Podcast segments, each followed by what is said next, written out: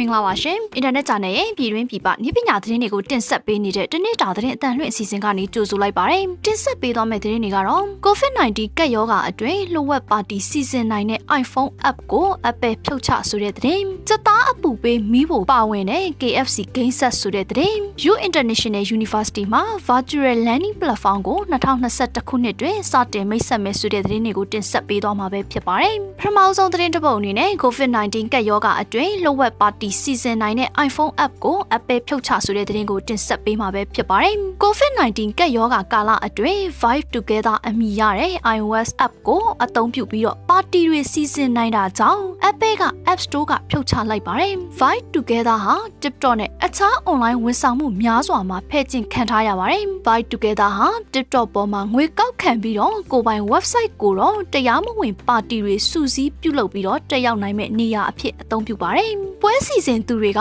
ပါတီတက်ရောက်မဲ့သူတွေကိုထောက်ခံပေးပါတယ်။ပါတီသွားခွင့်ရသူတွေကပွဲမစခင်နှစ်နာရီအလိုမှာလိပ်စာသိရပါမယ်။ American ကက်ယောဂကာကွယ်ကန့်သက်ရေးအောက်မှာလူစုလူဝေးလောက်တာအများစုကတရားမဝင်ပါဘူး။ဒါကြောင့် Vibe Together app ကတော့ခွင့်ပြုချက်မပေးခင်မှာ profile တစ်ခုတောင်းခဲ့တာပဲဖြစ်ပါတယ်။ဆက်လက်ပြီးစက်သားအပူပေးမီးဖို့ပါဝင်တဲ့ KFC ဂိမ်းဆက်ဆိုတဲ့သတင်းကိုတင်ဆက်ပေးမှာပဲဖြစ်ပါတယ်။ Fast food စားတောက်ဆိုင်တွေပိုင်ဆိုင်တဲ့ KFC ဟာစက်သားကိုအပူပေးနိုင်တဲ့ဂိမ်းဆက်ကိုမိတ်ဆက်လိုက်ပါတယ်။စသားပူပေးနိုင်တဲ့အကန့်မှာထည့်လိုက်တဲ့အသားတွေကိုပူအောင်လုပ်ပေးနိုင်ပြီးတော့ဂိမ်းအပြင်းထန်ကစားနေချိန်အတွင်းအသင့်စားနိုင်မယ်လို့ KFC ကပြောခဲ့ပါတယ်။ KFC ဂိမ်းဆက်ဟာအခြားဂိမ်းဆက်လိုပဲအစစ်မြင့်ဂိမ်းတွေကစားနိုင်တယ်လို့ပြောထားပါတယ်။လူတွေအများစုကဇွန်လအတွင်းဂိမ်းဆက်ကိုစတင်ထုတ်ဖော်ပြသချိန်မှာဈေးကွက်ရှာဖွေရေးချဲ့ကားမှုတစ်ခုလို့ယူဆခဲ့ပါတယ်။ဂိမ်းဆက်အသစ်မှာပါဝင်တဲ့အေးပေးစနစ်တစ်ခုပါဝင်ပြီးတော့စက်သားအကန့်တဲကအသားကိုနှွေးဖို့အပူကိုထုတ်လွှင့်ပေးပါတယ်။ဂိမ်းဆက်က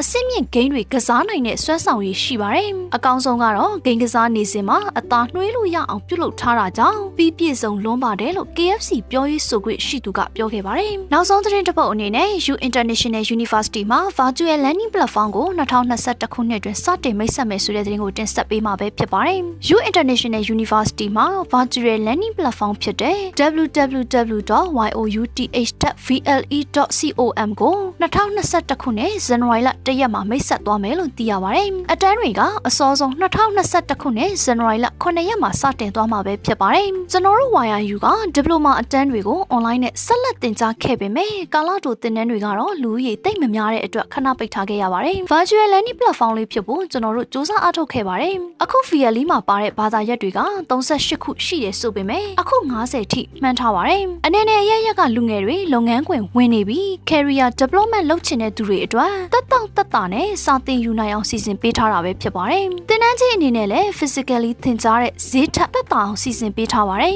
။သင်ကြားမှုပုံစံကတော့နှစ်မျိုးသွားမှာပဲဖြစ်ပါတယ်။သင်တန်းတက်ရောက်တဲ့သူတွေအတွက်ငွေပေးချေမှုတွေကိုအဆင်ပြေအောင်စီစဉ်ထားတဲ့အပြင်သင်ယူသူတွေအနေနဲ့လည်းအဆင်ပြေလွယ်ကူအောင်စီစဉ်ပေးထားပါတယ်။ကိုဗစ်ကာလမို့ဒီလိုသင်ကြားမှုပုံစံကိုပြုလုပ်တာမဟုတ်ဘဲနဲ့ကိုဗစ်ကာလပြီးဆုံးသွားတဲ့အခါ new normal မှာလည်းဒီလိုသင်ကြားမှုပုံစံတွေကဆက်လက်တည်ရှိနေအောင်မှာပါလို့ YNU မှ managing director ဖြစ်သူဆရာဦးစောလင်းကပြောပါတယ်။ပညာသင်ယူခြင်းတဲ့သူတွေအနေနဲ့နေမြေကန့်သက်ချက်တွေအချိန်ကန့်သက်ချက်တွေမရှိတော့ဘဲနဲ့အင်တာနက်နဲ့ဖုန်းရှိရင်နေရာမရွေးအချိန်မရွေးသင်ယူသွားနိုင်မှာဖြစ်ပြီးတော့ virtual environment တွင်သင်ခန်းစာတစ်ခုမသင်ယူခင်လိုအပ်သောသင်ခန်းစာများသင်ခန်းစာတစ်ခုပြီးသွားတိုင်း multiple choice question များ assignment စနစ်များဆရာနဲ့ကျောင်းသား discussion လုပ်နိုင်မှုတွေ community တည်ဆောက်နိုင်မှုတွေကြောင့်အဝေးမှသင်တော်လဲတက်မြောက်မှုအရေးအသွေးကိုထိန်းချုပ်ထားနိုင်မှာဖြစ်တယ်လို့လည်းသိရပါတယ်။သင်ခန်းစာသင်ကြားမှုတွေမှာလည်း virtual meeting သင်ကြားမှုဖြင့် interactively သင်ကြားမှုများလည်းပါဝင်မှာဖြစ်ပြီးတော့ practical ဘိုင်းတွင်ပါဝင်သောသင်ခန်းစာတွေအတွက်